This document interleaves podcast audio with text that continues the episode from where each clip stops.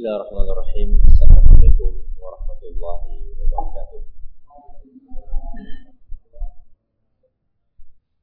الحمد لله رب العالمين وبه نستعين على أمور الدنيا والدين صلى الله على نبينا محمد وعلى آله وصحبه أجمعين أما بعد Kepanjatkan puja dan syukur kehadirat Allah Taala pada kesempatan malam hari ini kita kembali diberi kekuatan, kesehatan, hidayah serta taufik dari Allah Jalla wa Ala. Sehingga kita bisa kembali memulai pengajian rutin malam Senin di Musalla Al-Hidayah di Desa Kedung Buluh, Purbalingga ini. Kita berharap semoga Allah Tabaraka wa Ta'ala berkenan melimpahkan kepada kita semuanya ilmu yang bermanfaat sehingga bisa kita amalkan sebagai bekal untuk menghadap kepada Allah tabaraka wa taala. Amin. Ya rabbal alamin. Salat dan salam. Semoga senantiasa tercurahkan kepada junjungan kita Nabi besar Muhammad sallallahu alaihi wasallam pada para sahabatnya, keluarganya dan umatnya yang setia mengikuti tuntunannya hingga hari akhir nanti. Para hadirin sekalian dan juga segenap pendengar radio muslim di Jakarta dan sekitarnya. Sebelumnya perkenankan saya untuk mengucapkan taqabbalallahu minna wa minkum. Semoga Allah berkenan untuk menerima amal saleh kami dan hadirin sekalian. Selanjutnya pada pertemuan yang telah lalu yang terakhir kita masih membahas tentang bentuk kekeliruan dalam berdoa. Bentuk kekeliruan dalam berdoa berupa melampaui batas. Berupa melampaui batas dalam berdoa. Melampaui batas dalam segala sesuatu tidak boleh. Melampaui batas dalam segala sesuatu tidak boleh. Termasuk ketika seseorang ber, berdoa. Rasulullah Shallallahu Alaihi Wasallam bersabda dalam sebuah hadis yang diriwayatkan oleh Imam Ahmad dan dinilai sahih oleh Syekh Al Albani kata Nabi Shallallahu Alaihi Wasallam saya kunu qaumun ya'taduna fid du'a akan datang orang-orang yang melampaui batas dalam ber, berdoa. Akan datang suatu masa di mana orang-orang itu melampaui batas dalam berdoa. Apa maksudnya melampaui batas? Terlalu banyak berdoa? Hah? Terlalu banyak berdoa itu melampaui batas? Hah? Iya. Berarti kalau berdoa 100 kali itu melampaui batas. Batasnya berapa? Hah? Berapa batasnya? Sepuluh? puluh? Apakah terlalu banyak berdoa itu melampaui batas? Tidak. Karena agama kita justru memerintahkan kita supaya banyak berdoa. Karena doa adalah ibadah. Kita diperintahkan untuk banyak beri, beribadah. Terus melampaui batas apa berarti kemarin?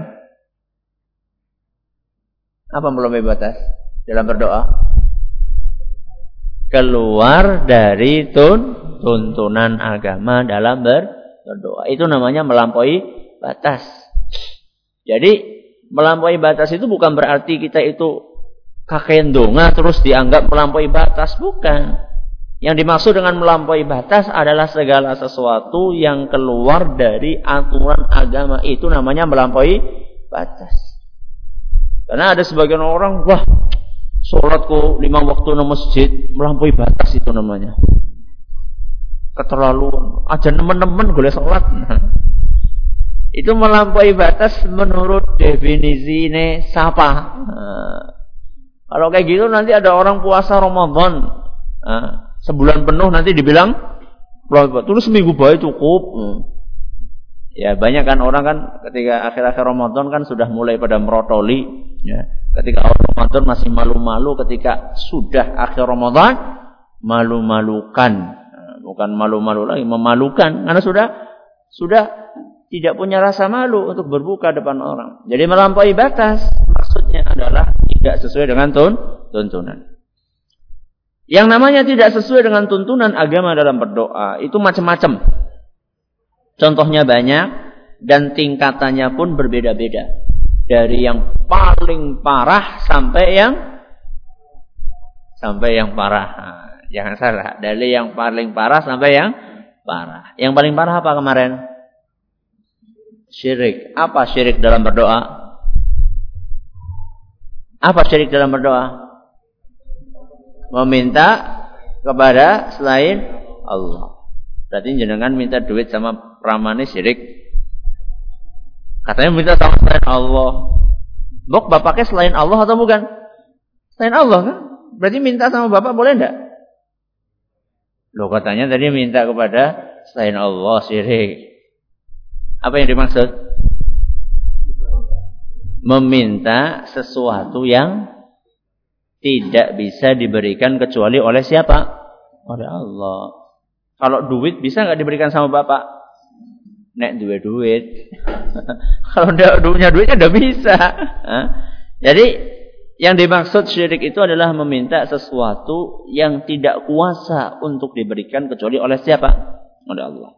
Contohnya minta husnul khatimah atau minta a, anak, minta anak karena yang kuasa untuk memberikan anak adalah siapa? Allah. Dan masih ada yang lain-lain. Ini salah satu tingkatan dalam melampaui batas ketika berdoa. Ada yang lainnya dan mulai hari ini kita akan menjelaskan beberapa contoh yang lainnya dari melampaui batas dalam berdoa. Kalau kemarin contoh yang paling parah yaitu si syirik yaitu minta sesuatu kepada selain Allah yang itu tidak kuasa untuk diberikan kecuali oleh siapa? Oleh Allah. Berikutnya adalah meminta sesuatu kepada Allah yang tidak boleh diminta. Meminta sesuatu kepada Allah yang tidak boleh di, diminta. Apa contohnya tidak boleh diminta dari Allah? Huh? Apa tidak boleh? Ada yang lain? Apa kira-kira? minta hari kiamat. Hari kiamat pasti terjadi. Minta hidup sampai kiamat, betul, ya. Ada sebelum itu kalau itu adalah minta sesuatu yang Allah tidak akan melakukannya. Ya. Ini minta sesuatu yang tidak boleh diminta dari Allah. Contohnya, minta agar dibantu oleh Allah untuk melakukan perbuatan do, dosa dan maksiat. Itu tidak boleh. Contoh, ya Allah, hari ini saya masang nomor lima. Tolong wahai Rabbi. Khusyuk banget itu. Tolong wahai Rabbi supaya ada di antara salah satu di antara lima nomor itu yang yang syukur-syukur lima-limanya wahai Rabbi. Boleh tidak seperti itu? Tidak boleh. Kayak orang main forex. Kayak orang main forex. Sebelum main forex, tahajud dulu, sholat duha disit, jebule hancur, lebur. Kemudian keluarlah kata-kata yang tidak sopan. Ya. Jadi, tidak boleh kita minta sesuatu untuk berbuat maksiat. Bukan berarti kemudian minta kepada selain Allah boleh. Ya, seperti sebagian orang yang datang ke kuburan nyari wangsit nomor yang kira-kira akan keluar berapa. Nah, berarti bukannya ketika kita katakan minta sama Allah tidak boleh terus minta kepada selain Allah jadi boleh. Sama-sama tidak, sama-sama tidak boleh. Bahkan yang minta kepada selain Allah itu lebih parah karena itu perbuatan syirik. Contoh yang lain, Dengar-dengar berita di pantai Kuta itu banyak pemandangan. Banyak pemandangan. Tapi orang duit duit ngomong Bali.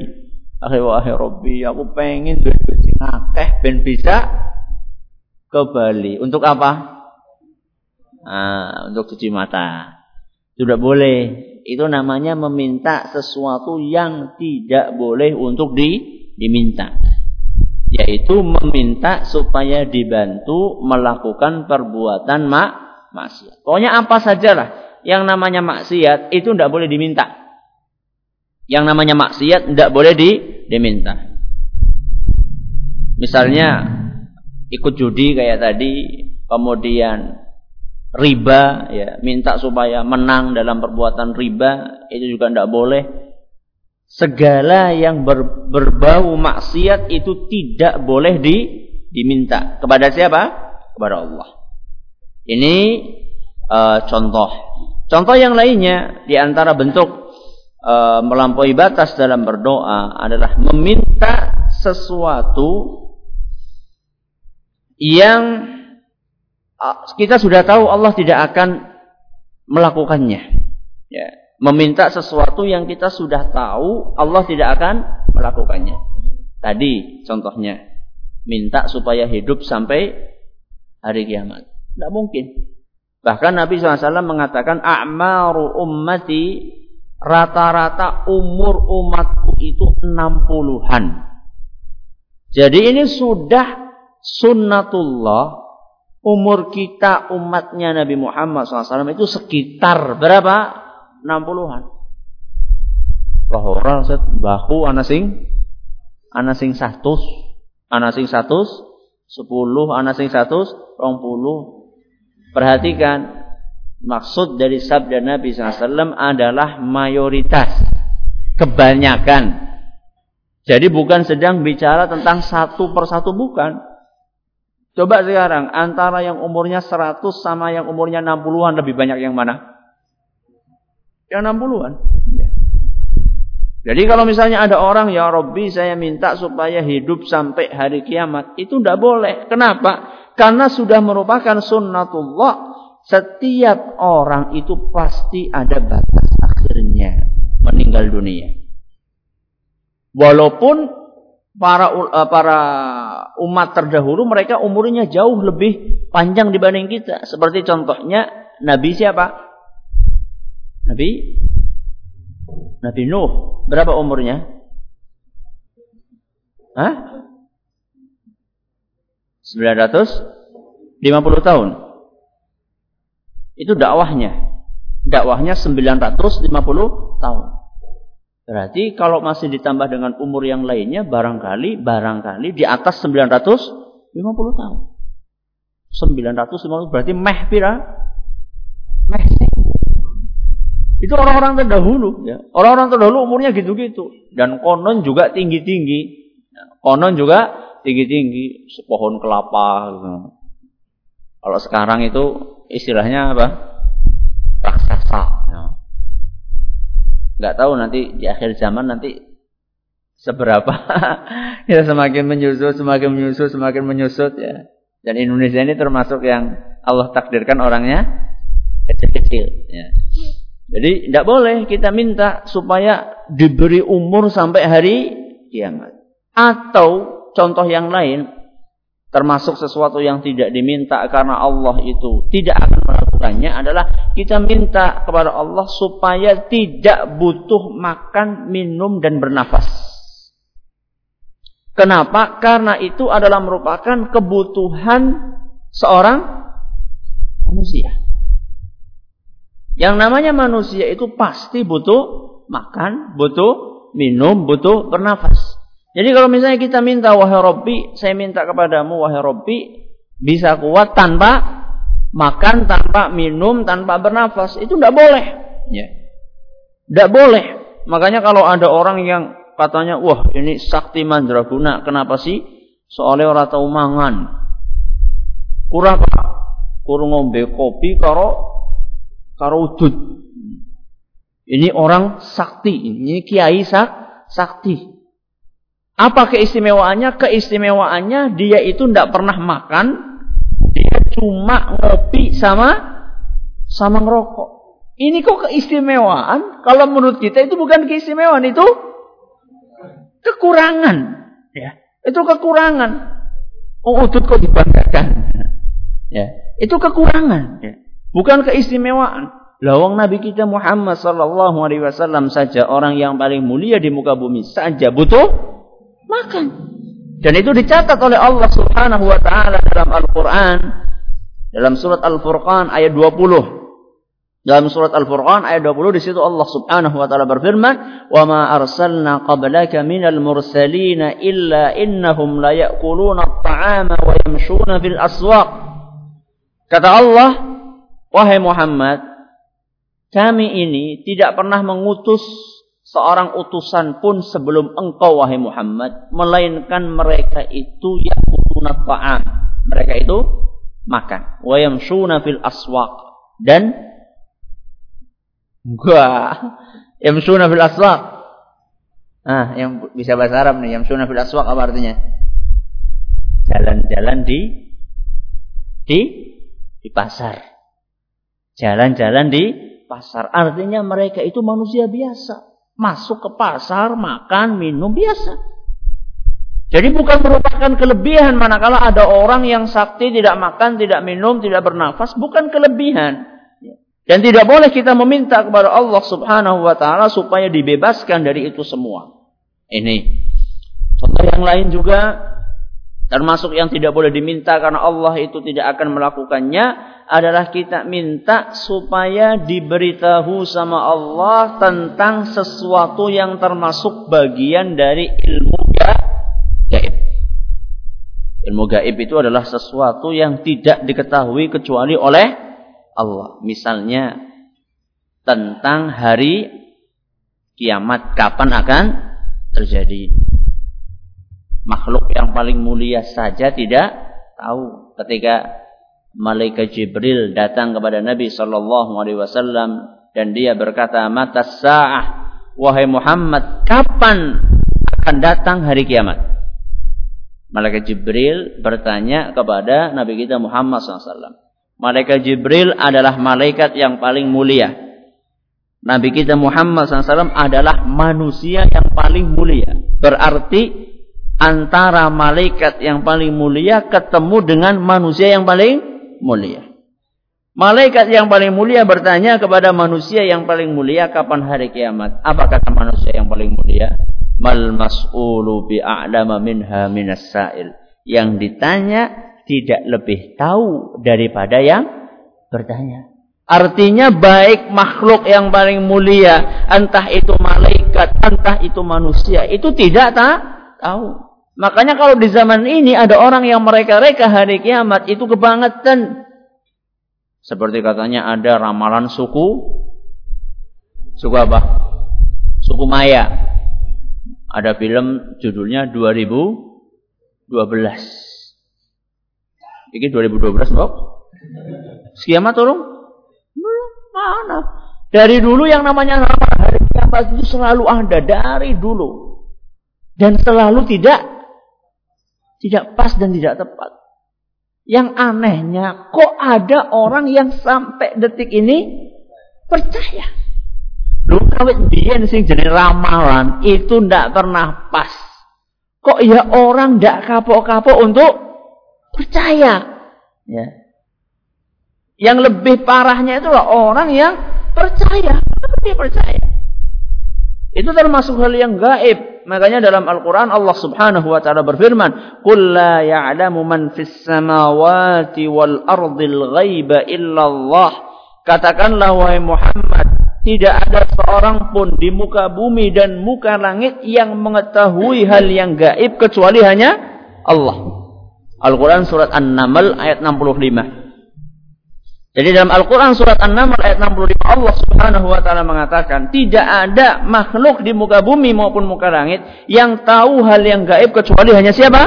Hanya Allah subhanahu wa ta'ala. Jadi kalau misalnya kita minta ya Rabbi beritahukan kepadaku jane jodohku siapa misalnya atau anakku nanti berapa itu adalah hal-hal yang gaib yang tidak boleh kita minta kepada Allah untuk mengetahuinya. Kalau minta supaya dikaruniai boleh. Ya. Ya Rabbi, saya pengen anak sepuluh. Tidak apa-apa. Ya. Saya pengen anak sepuluh, laki-laki semuanya misalnya. Tidak apa-apa. Ya, tapi tergantung Allah. Dia ngasihnya berapa? Terserah Allah. Kita hanya bisa berusaha. Tapi kalau misalnya kita minta kepada Allah agar kita mengetahui nasib kita nanti, apalagi kalau sampai pergi ke dukun dengan dibaca apanya? Garis tangannya. Ya. Kalau M, kalau jenengan apa M apa W? Hah? Nek diwalik ya jadi W. Tidak boleh ya. Meminta sesuatu yang gaib itu tidak boleh. Karena apa? Karena yang berhak untuk mengetahui itu semua adalah siapa? Adalah Allah Subhanahu wa taala. Hal yang gaib adalah merupakan hak prerogatif siapa? Allah Subhanahu wa taala.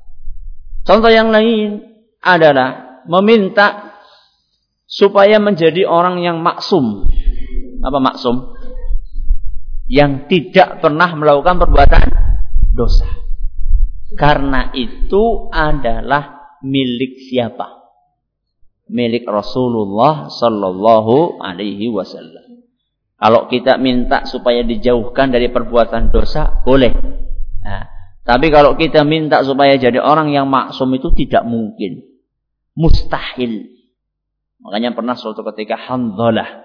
Hanzalah salah seorang sahabat Nabi sallallahu alaihi wasallam pergi kepada Abu Bakar radhiyallahu anhuma nangis dan dia mengeluh nafaqah Hanzalah Hanzalah munafik yang ngomong siapa ini yang ngomong siapa?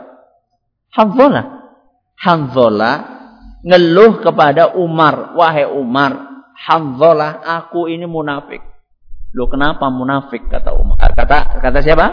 Kata Abu Bakar. Saya itu kalau lagi beserta Rasul itu rasanya imannya itu luar biasa.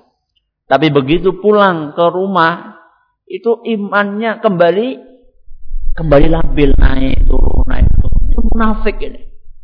Ternyata Abu Bakar merasakan hal yang eh ke Umar dulu maaf, ke Umar dulu. Datang ke siapa? Ke Umar. Umar, saya itu munafik. Loh, kenapa kamu munafik? Karena saya kalau berada di majelis Rasul imannya itu luar biasa. Ketika pulang ke rumah imannya turun dengan teratur. Ternyata Umar juga merasakan seperti itu. Nafkah Umar kalau gitu Umar juga munafik dong. Ya sudah akhirnya Umar sama Hanzalah pergi ke Abu Bakar mereka berdua mengeluhkan bahwasanya keduanya ini kayaknya orang munafik. Karena imannya kalau di majlisnya Rasul naik kalau sudah pulang imannya naik turun. Ternyata Abu Bakar juga merasakan hal yang serupa. Wah berarti kalau kayak gini tiga-tiganya munafik. Akhirnya tiga-tiganya datang kepada siapa? Kepada Rasulullah sallallahu alaihi wasallam. Setelah seperti itu kemudian Nabi sallallahu alaihi wasallam menjelaskan bahwa itu adalah suatu hal yang manusiawi ketika iman itu naik dan dan turun. Bahkan kata Nabi SAW, seandainya iman kalian itu terus naik, niscaya kalian akan menjadi para malaikat yang berjalan di muka bumi. Yang tidak punya dosa, yang imannya terus stabil, itu siapa? Para malaikat. Dan ini bukan dalam rangka untuk membenarkan orang-orang yang berbuat maksiat. Lah, Abu Bakar be kaya kue, apa mending nyong. Bukan ya. Tapi ini untuk menjelaskan kepada kita bahwa seiman-imannya manusia, setakwa-takwanya seorang hamba, itu tidak mungkin dia itu imannya akan terus stabil. Itu tidak mungkin. Pasti kadang-kadang imannya turun. Itu pasti. Tapi kalau turun aja aja dicor turun baik lama-lama nungsep nah, turun terus jangan. Kalau lagi turun berusaha untuk untuk naik.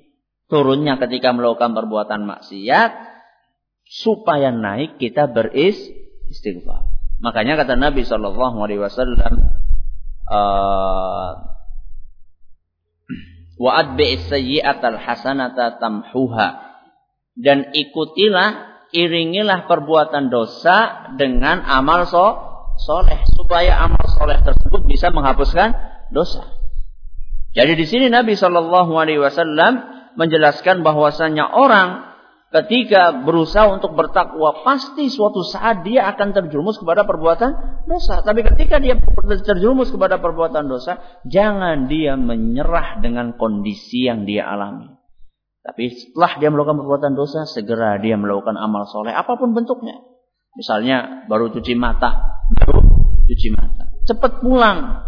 Apa? Pakai insto? Kan. Apa bersihkannya? Hmm? Buka Al-Quran, baca Al-Quran. Ya. Sehingga matanya apa? Bersih lagi. Atau misalnya setelah berkata dengan kata-kata yang kotor, ya, dengan dusta, segera pulang berwudu, kemudian sholat, ya, untuk menghapuskan do, dosa. Dalam berwudu saja dosa-dosa kita sudah berguguran. Sebagaimana disebut oleh Nabi Shallallahu Alaihi Wasallam bahwa orang yang membasuh mukanya maka dosa-dosa yang dilakukan oleh mukanya itu akan berguguran dengan tetesan air yang tersisa dari mukanya. Jadi maksiat yang diperbuat oleh muka mata, kemudian kemudian mulut, ya. Hidung maksiatnya apa? Hah? Uh, mencium apa? Kalau tangan jelas ya, tangan jelas, mukul, uh, SMS, SMS siapa? Uh, SMS lawan jenis yang bukan yang bukan mahramnya tanpa ada kebutuhan yang mendesak kaki. Itu semuanya ketika kita berwudu akan berguguran dosa-dosanya. Maka Nabi SAW memberikan tips memberikan tips yang sangat jitu di dalam hadis tersebut bahwa seorang insan itu tidak mungkin akan terus stabil. Manakala dia labil segera diperbaiki dengan memperbanyak amal so soleh. Ini. Kemudian di antara yang tidak boleh juga karena Allah tidak mungkin akan melakukannya adalah minta supaya punya anak tanpa tanpa tanpa nikah. Minta supaya punya anak tanpa tanpa nikah. Saya bisa Ustaz punya anak tanpa nikah. Apa? Adopsi. Ya, bukan itu maksudnya. Maksudnya adalah anak anak kandung. Maksudnya adalah anak laki-laki kok pengen dua anak, metune sekarang di ya. Kalau tidak nikah, tidak boleh karena sudah merupakan sunnatullah. Kalau pengen punya anak itu harus ada pernikahan, kemudian lahirlah anak. Ini.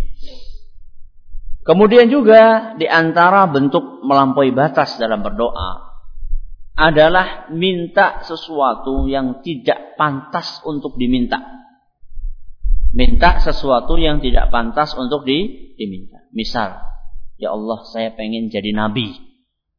Saya pengen jadi nabi. Tidak pantas. Kenapa? Karena kenabian sudah selesai dengan diutusnya Rasulullah Sallallahu Alaihi Wasallam. Jelas-jelas Rasulullah Sallallahu Alaihi Wasallam mengatakan, anak khatamun nabiyyin. Saya adalah penutup para para nabi. Jadi tidak boleh. Makanya kemarin kok anehnya Indonesia itu yang namanya nabi palsu itu selalu ada. Dan selalu gagal. Anehnya itu ya ada saja yang yang menjadi pengikutnya. Ini menunjukkan kepada kita betapa akutnya apa? Kebodohan. Betapa akutnya, betapa parahnya kebo kebodohan.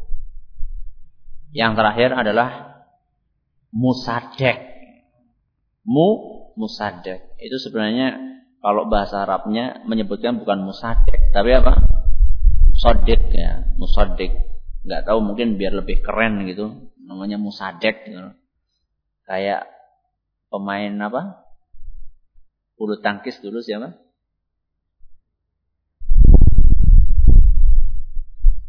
Siapa? Rosid Sidek ya. Beda itu orang Malaysia itu. Tidak boleh. Minta supaya menjadi nabi atau minta menjadi malaikat juga tidak boleh. Minta supaya dijadikan malaikat tidak boleh. Ya. Tidak boleh karena itu tidak layak untuk di, diminta. Di antara bentuk melampaui batas juga yang disebut oleh para ulama adalah berdoa kepada Allah tanpa menghibah. Kalau tadi di atas kayaknya tidak ada di antara kita yang minta. Ada nggak di antara jenengan yang minta jadi nabi? Ada nggak? Ya. Tapi kalau ini kayaknya kita banyak. Di antara bentuk melampaui batas adalah berdoa tanpa menghibah. Contohnya gimana Ustaz? Contohnya berdoa seakan-akan kita tidak butuh. Walaupun mungkin tidak terucap secara lisan. Kalau yang terucap secara lisan, contohnya wahai Robbi, hari ini uh, saya pengen dapat rezeki. Nah orang yang apa-apa lah. Ini secara lisan terucap. Minta tidak meng menghibah. Tapi banyak di antara kita mungkin tidak terucap secara lisan. Tapi prakteknya itu menunjukkan bahwa dia tidak menghibah. Contoh apa? Contohnya ketika berdoa kok celingak, celinguk. Bagaimana dia akan menghibah sedangkan dia pikirannya ke mana-mana? Banyak sekali di antara kita. Ustaz saya sudah berdoa berkali-kali. Kok tidak dikabulkan juga? Ya kamu doanya serius apa enggak? Kamu doanya serius apa enggak? Kamu menghibah enggak sama Allah subhanahu wa ta'ala ketika berdoa? Makanya pernah saya kasih contoh, ya, dua orang petani, satunya punya diesel untuk menyedot air dari sungai, satunya tidak punya diesel. Kemudian dua-duanya ini sama-sama mengalami musim musim kemarau. Sama-sama mengalami musim kemarau. Dua-duanya sama-sama pengen Allah menurunkan hujan. Akhirnya si A yang punya diesel juga berdoa kepada Allah supaya hujan turun. Si B yang tidak punya diesel juga sama-sama berdoa kepada Allah supaya hujan turun. Sama-sama doa. Kira-kira lebih serius yang mana doanya? Apa B? Apa B? A? Kok bisa A yang punya diesel? Ya, ketika berdoa, ketika dia berdoa, Serius enggak dia? Lebih serius mana antara si A dengan si B? Lebih merintih mana? Lebih menghibah mana? Kenapa? Karena tidak punya tidak punya tidak punya Karena tidak punya alternatif lain kecuali kecuali minta. Ya. Dia tidak punya alternatifnya mau ke mana dia? Kalau orang punya diesel, orang pun berapa apa. Asin duwe diesel. Tapi kalau misalnya si B tidak punya diesel, dia kalau tidak turun hujan gimana? Hah? Mau nyawa diesel tidak punya duit. Jadilah orang yang berdoa kepada Allah seperti petani yang tidak punya diesel. Gitu. Berarti tidak usah punya diesel gitu. Bukan. Ini hanyalah ilustrasi. Nah, hanyalah ilustrasi yang menggambarkan bahwa kita itu perlu menghibah dalam berdoa. Artinya kita itu seakan-akan karena dan juga memang betul kita itu tidak punya jalan keluar kecuali hanya kepada Allah. Lihat dulu doa. Masih hafal enggak? Masih hafal enggak? Atau sudah ada dipraktekan? Cuma malam itu aja dipraktekan. La malja'a wala manja minka illa ilaika. Tidak ada tempat kembali, tidak ada tempat untuk lari dari Allah kecuali kepada Allah. Tidak ada yang bisa melindungi kita dari Allah kecuali Allah. Jadi tidak ada jalan keluar kecuali hanya kepada Allah Subhanahu wa taala. Di situlah makanya kita menghibah kepada Allah. Beda kalau misalnya Anda mendaftar menjadi pegawai di sebuah perusahaan di kota Purbalingga. Perusahaan A tidak diterima, orang apa Masih ada perusahaan B. Orang ditampak, orang apa Eh si anak perusahaan, orang ditampak. Seperus perusahaan, semua perusahaan sepurbalingga orang apa Eh si anak perusahaan Purwokerto. Itu kan kita. Itu kalau dalam usaha manusiawi. Kita masih punya alternatif Kita hanya dengan Allah Subhanahu wa taala tidak ada alternatif. Kalau sudah seperti itu mestinya kan kita harus menggibah dalam berdoa. Kita harus serius supaya Allah berkenan untuk mengabulkan. Memang aturannya seperti itu. Aturan dari Allah berdoa harus serius dan menghibah. Udu'u rabbakum tadarruan Berdoalah kalian kepada Allah dengan menghibah, merintih, memohon dengan sangat. Itu artinya tadarru. Mohon yang serius, yang sebenar-benarnya. Aturannya memang seperti itu. Kalau kita tidak ikut aturan, ya bagaimana mau dikabulkan? Allah tidak suka. Kalau Allah sudah tidak suka, maka bagaimana akan dikabulkan? Maka kalau kita ingin supaya doa kita dikabulkan, kita harus mengikuti aturannya. Aturan yang sudah digariskan oleh Allah di dalam Al-Quran, oleh Nabi kita Muhammad Sallallahu Alaihi Wasallam di dalam sunnahnya. Ini loh aturannya. Kalau pengen dikabulkan, ikuti aturan. Dalam kehidupan manusia, dalam kehidupan keseharian kita dengan manusia saja, kita perlu mengikuti aturan kalau kita ingin berhasil. Apalagi kaitannya dengan dengan Allah Subhanahu Wa Taala ini. Dan masih ada yang lainnya dan insya Allah akan kita lanjutkan bentuk-bentuk melampaui batas dalam berdoa pada kesempatan yang lain. Insya Allah. Ada pertanyaan? Silahkan.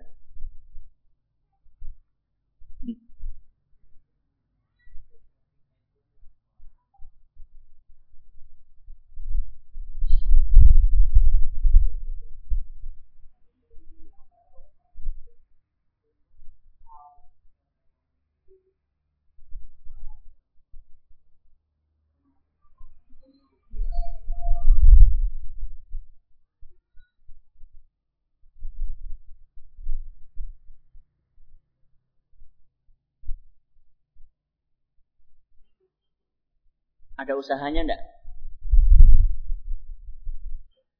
Ada usaha dia enggak selain berdoa? Usaha manusiawi, ya. Kalau enggak ada, kurang pas. Karena itu termasuk hal gaib, walaupun gaibnya itu sifatnya gaib nisbi hal yang gaib itu terbagi menjadi dua. Yang pertama gaib mutlak, yang kedua gaib apa? Nisbi. Gaib mutlak itu tidak ada yang tahu kecuali hanya Allah. Contohnya tadi hari kiamat kapan terjadi. Kalau gaib nisbi itu mungkin ada yang tahu. Walaupun banyak orang yang tidak tahu. Contoh mencuri. Ada yang tahu enggak? Di mana tempat motornya? Ada enggak? Ada enggak? Hah? Siapa? Ya ada pencurinya. Benar enggak? Pencurinya dan dan dan temannya. Ya, berarti kan itu bukan gaib yang sifatnya mut mutlak. Ada yang tahu. Ada yang tahu cuma orangnya terbatas. Nah, supaya kita mengetahui itu, tentu kan harus usaha. Usahanya adalah lapor kepada polisi, bukan lapor kepada dukun, ya. lapor kepada polisi.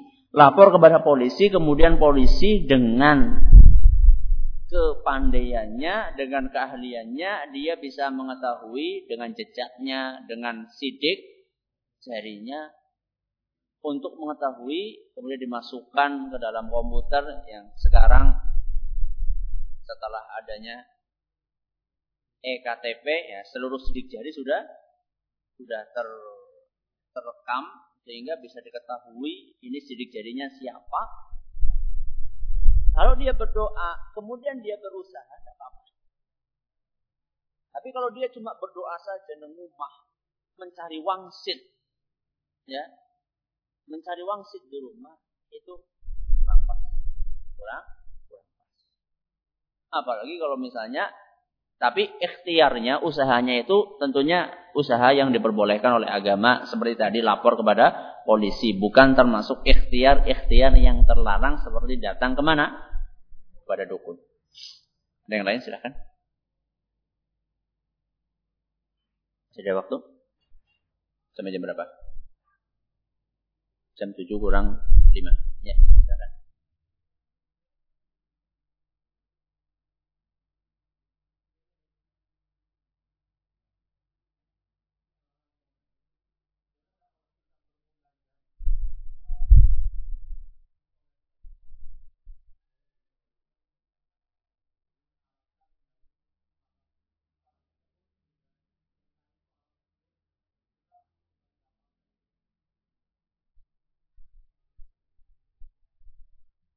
Mintanya kepada wali atau kepada Allah?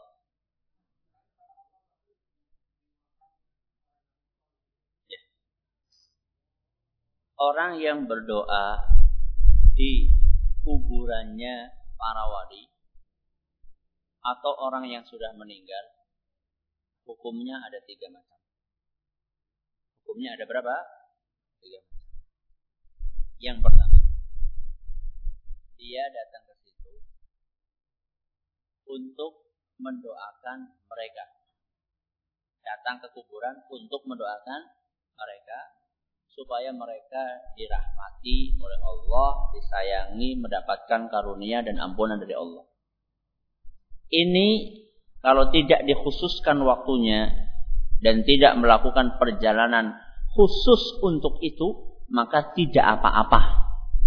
Bahkan itu termasuk ibadah yang mulia.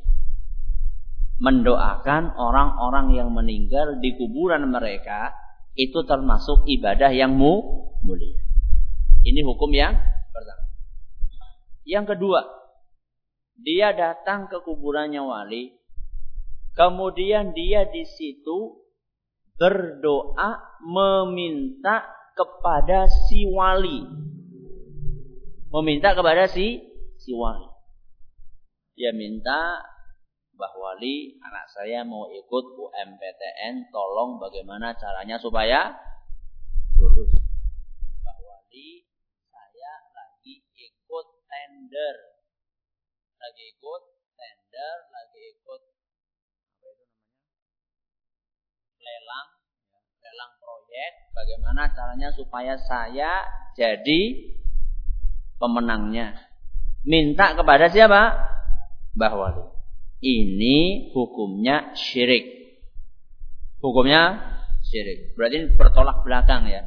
Antara yang pertama dengan yang yang kedua. Yang ketiga. Dia mintanya kepada siapa? Allah. Mintanya kepada Allah untuk kepentingan pribadi dia. Bukan untuk mendoakan si, wali. Mintanya kepada Allah, wahai Rabbi, saya sampai sekarang belum punya istri. Kok angel temen goleng-golet? Wahai Rabbi, berilah saya istri yang cantik, yang putih, yang pintar, yang hafidhah, yang ini, yang ini, yang ini, yang ini. Dengan perantara Mbah Wali ini. Dengan perantara Mbah ini tidak boleh. Tidak. Ini termasuk bid'ah. Termasuk bid'ah walaupun tidak sampai taraf si Walaupun itu juga bisa mengantarkan kepada perbuatan syirik. Cuman itu lebih dekat kepada bid'ah. Jadi sekarang tinggal tipenya itu kayak apa? Kalau tipe pertama berarti ini termasuk ibadah. Kalau tipe yang kedua berarti syirik. Kalau tipe yang ketiga termasuk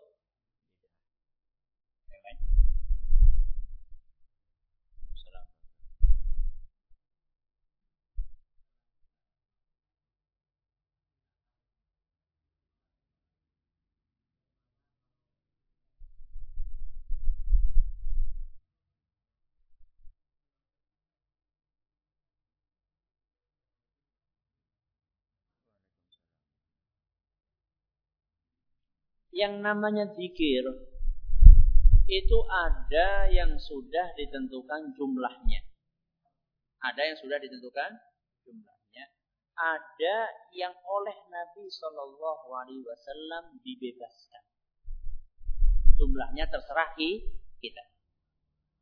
Contoh yang sudah ditentukan jumlahnya adalah istighfar sesudah sholat Astaghfirullah, astaghfirullah, astaghfirullah. Berapa kali? Tiga kali. Ini sudah ditentukan. Kalau sudah ditentukan jumlahnya, maka kita perlu untuk mengikuti jumlah tersebut. Kayak subhanallah, alhamdulillah, Allahu Akbar sesudah sholat masing-masing berapa? 33 atau 10. Jadi oleh Nabi sudah dikasih pilihan. Kalau tidak 33 ya Sepuluh. Kita tidak boleh lah golek sing pertengahan. Khairul umuri awsatuha. Nah, sebaik-baik sesuatu adalah yang paling pertengahan. Golek sing bila. Pertengahan antara 10 sama 33 berapa? Berapa? 16. Ya. 16 sing pertengahan. Tidak boleh. Ya. Ini yang sudah ditentukan jumlahnya. Kalau sudah ditentukan jumlahnya, berarti kita harus mengikuti jumlah tersebut, kecuali kalau oleh Nabi diperbolehkan. Contoh yang diperbolehkan oleh Nabi, supaya bebas ya, supaya bebas, tidak ditentukan jumlahnya, adalah zikir mutlak. Ketika kita sedang duduk atau berbaring atau ber, berjalan.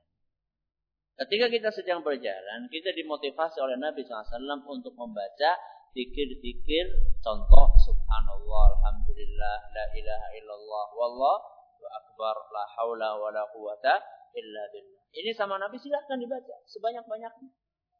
Nah, oleh Nabi tidak dibatasi berapa jumlahnya. Ah, kalau kayak gitu silahkan. Dengan mau baca seribu, dua ribu, tiga ribu, monggo.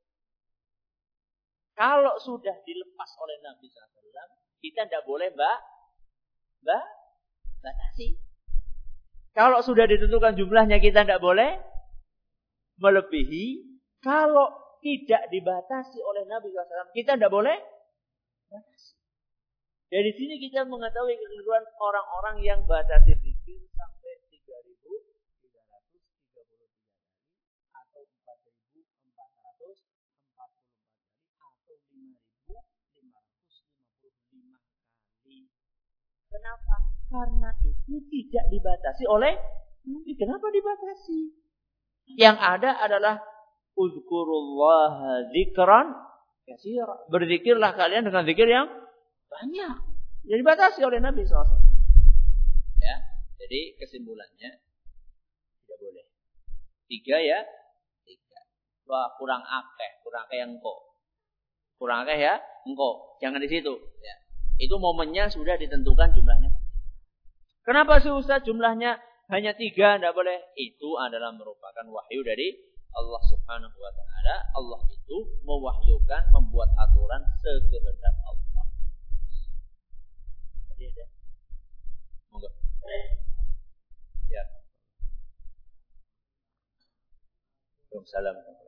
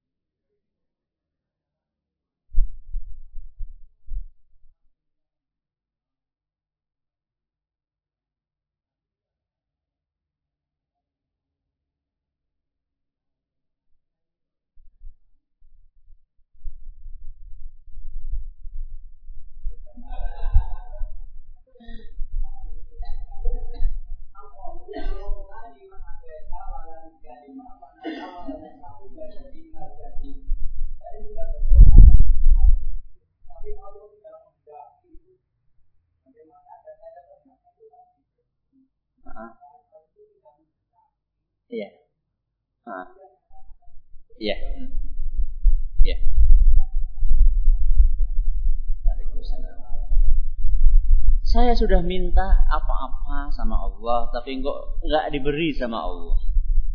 Banyak kemungkinan. Kemungkinan yang pertama, jenengan memang sudah minta, tapi jenengan itu tidak sesuai dengan aturan. Mintanya tidak sesuai dengan aturan. Contoh kayak tadi, mintanya tanpa meng tanpa menghibah.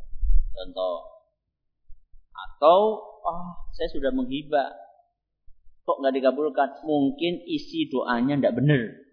Isi doanya tidak tidak benar. Atau ada kemungkinan yang lainnya.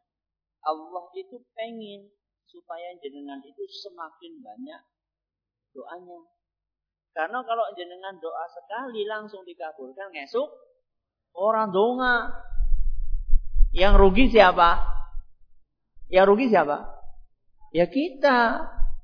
Karena kalau sudah selesai, sudah diku, ya wis lah sandunga maning. Ya.